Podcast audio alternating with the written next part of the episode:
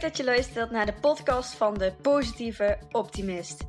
Mijn naam is Romy van den Berg en met deze podcast hoop ik je vooral te inspireren, maar ook te motiveren. Deze podcasten gaan over mindset, NLP, de wet van aantrekking, omdenken en het volgen van je hart. Mijn missie is om mensen meer te laten stralen en sprankelen en hopelijk brengt deze podcast je naar meer geluk. Dikke knuffel van mij en heel veel luisterplezier!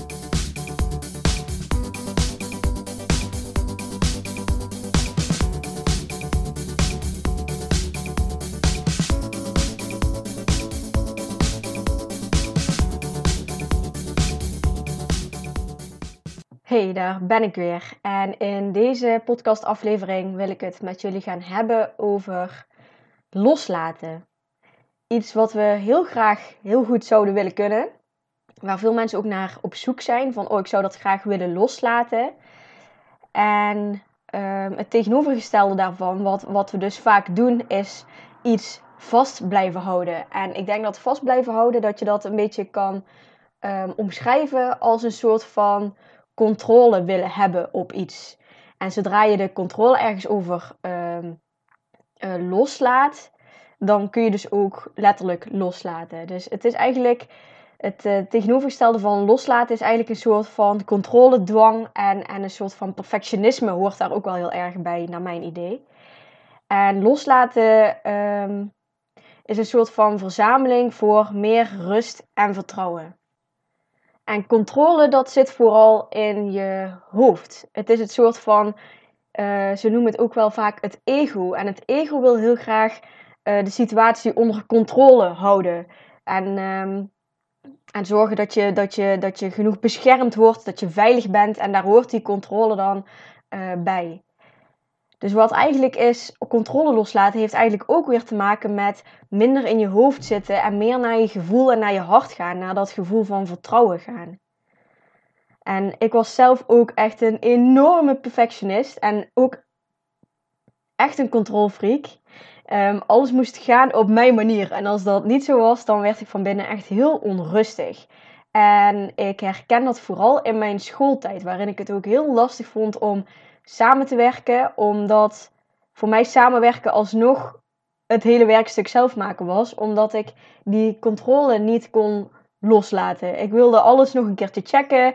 Um, ik had in mijn hoofd zitten hoe het dan perfect eruit zou moeten zien. En ja, dat klinkt heel stom tegenover je klasgenoten, want um, voor iedereen is natuurlijk een andere, is er een andere perfecte uh, manier van een werkstuk maken. Maar ik kon die controle niet loslaten. Ik wilde heel graag een soort van controle hebben over de uitkomst. Wat natuurlijk ja, altijd ook een soort van schijncontrole is.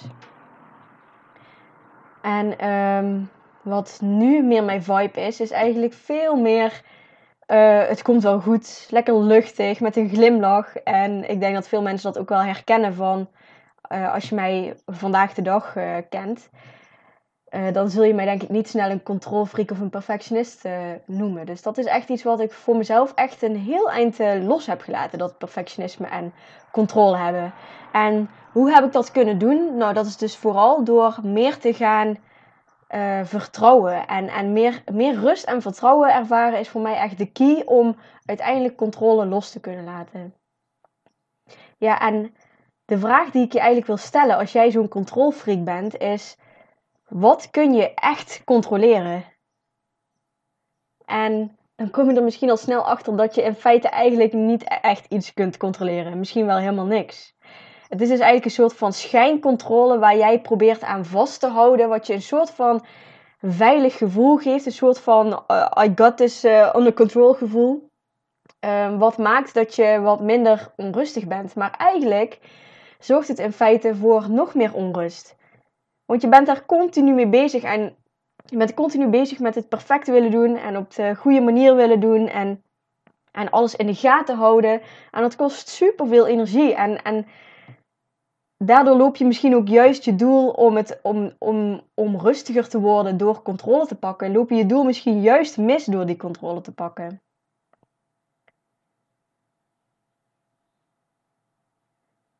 Ja, en, en controle geeft je een soort van uh, onrustigheid dus, een soort van gespannenheid. En het zet je zo vast.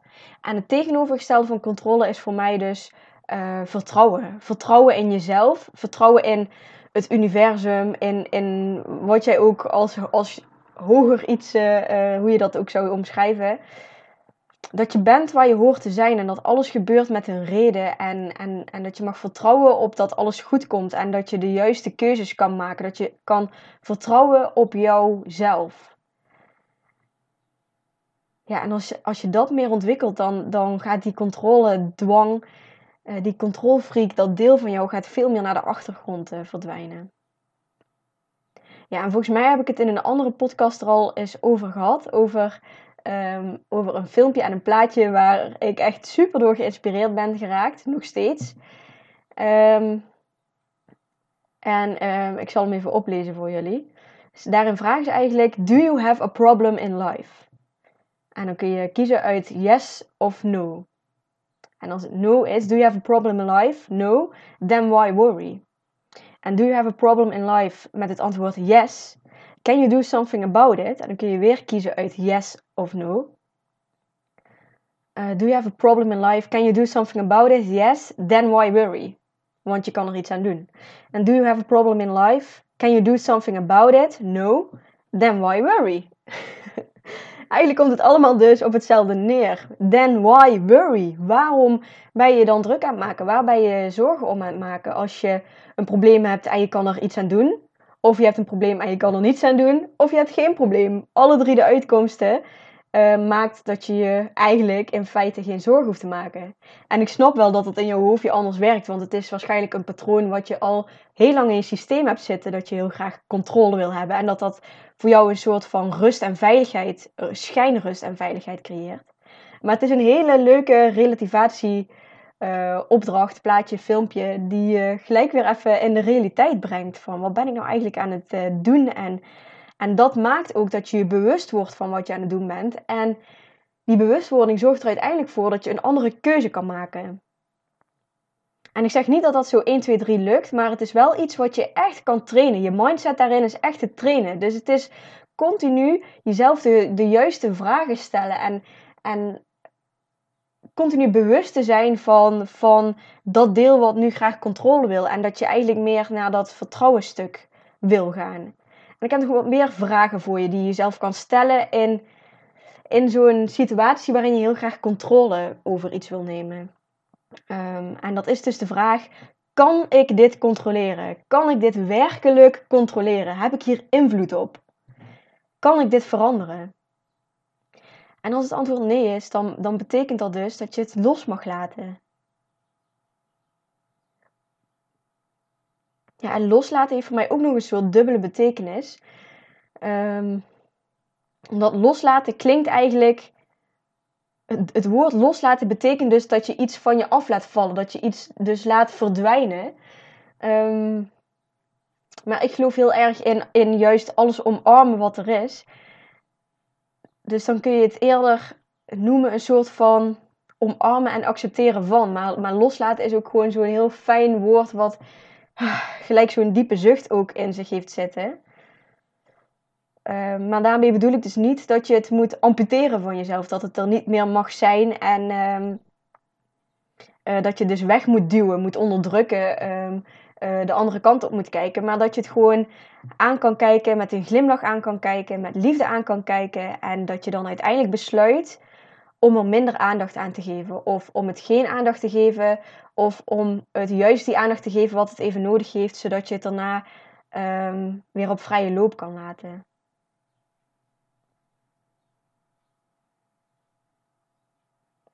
Ja, dus het is een, een kwestie van, van mindset. En dat is echt oefenen, oefenen, oefenen. Het is niet iets wat je, als je echt zo'n controlfreak en perfectionist uh, bent zoals ik vroeger was, dan heb je dit echt niet binnen één dag opgelost. Het zou mooi zijn als het wel zo is natuurlijk. Ik wil ook niet zeggen dat uh, dat, dat de waarheid is, dat het lang moet duren.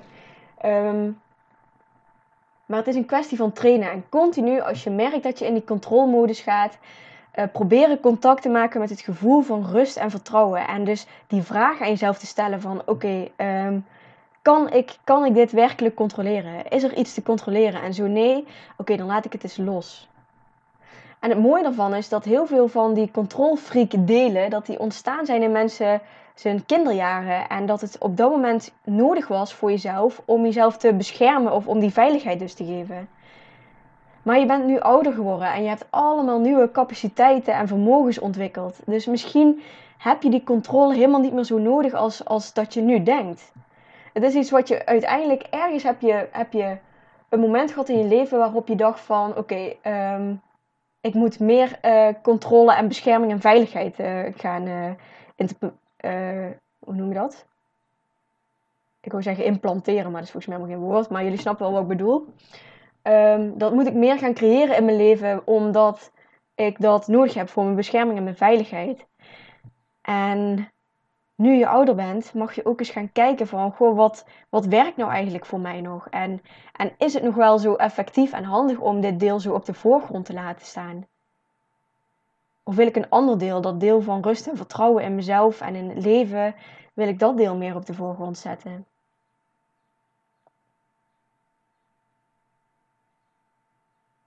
Dus het is misschien ook gewoon een beetje testen als je, daar, als je je daarvoor open kan stellen. Testen van, wat gebeurt er nou eigenlijk als ik minder controle heb?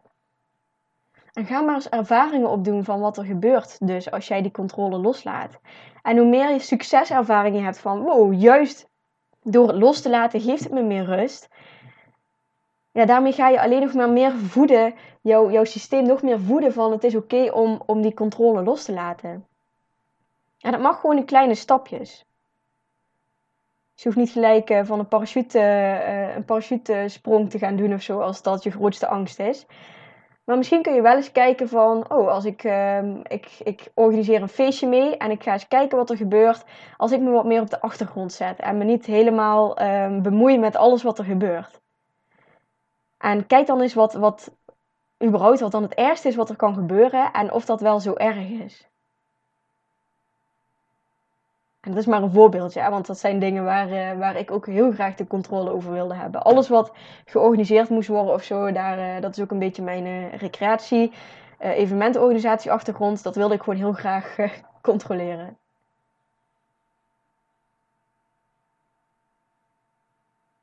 Ja, dus het is vooral jezelf die vragen stellen van... Kan ik dit daadwerkelijk controleren? Heb ik hier daadwerkelijk invloed op? Kan ik dit veranderen? En zo nee, laat het los. Do you have a problem in life? Yes. Can you do something about it? Yes. Then why worry? Do you have a problem in life? Yes. Can you do something about it? No. Then why worry? Why worry? Ik hoop dat ik je een beetje aan het denken heb gezet met deze podcast. En dat je misschien ook aan de slag kan gaan met, ehm, met meer in vertrouwen leven. En, en die controle uh, wat meer loslaten. Dat hoop ik. Als je iets hebt gehad in deze aflevering, vind ik het fijn als je me wat uh, laat weten. Via een uh, privéberichtje op Instagram bijvoorbeeld. Of um, je mag me ook mailen. Of even op mijn website kijken. romyvandenberg.nl Laat even wat van je horen. Vind ik fijn om feedback te krijgen. En misschien heb je nog andere vragen voor me omtrent dit thema. Of over een ander thema waar een volgende podcast ook weer over kan gaan. Dus laat van je horen. Alleen maar fijn. Ik, uh, mijn deur staat voor jullie open. Yes, super bedankt voor het luisteren naar deze podcast. Mocht je nu iets voor me terug willen doen, dan maak even een screenshot van de podcast die je geluisterd hebt en deel deze op je social media. Of laat een leuke review achter. Maar laat vooral ook eventjes van je horen wat deze aflevering met je heeft gedaan en welke inzichten je hebt gekregen. Daar ben ik je super dankbaar voor. Laat het ook eventjes weten als je leuke onderwerpen hebt voor een nieuwe podcast. En dan zie ik je de volgende keer. Dankjewel!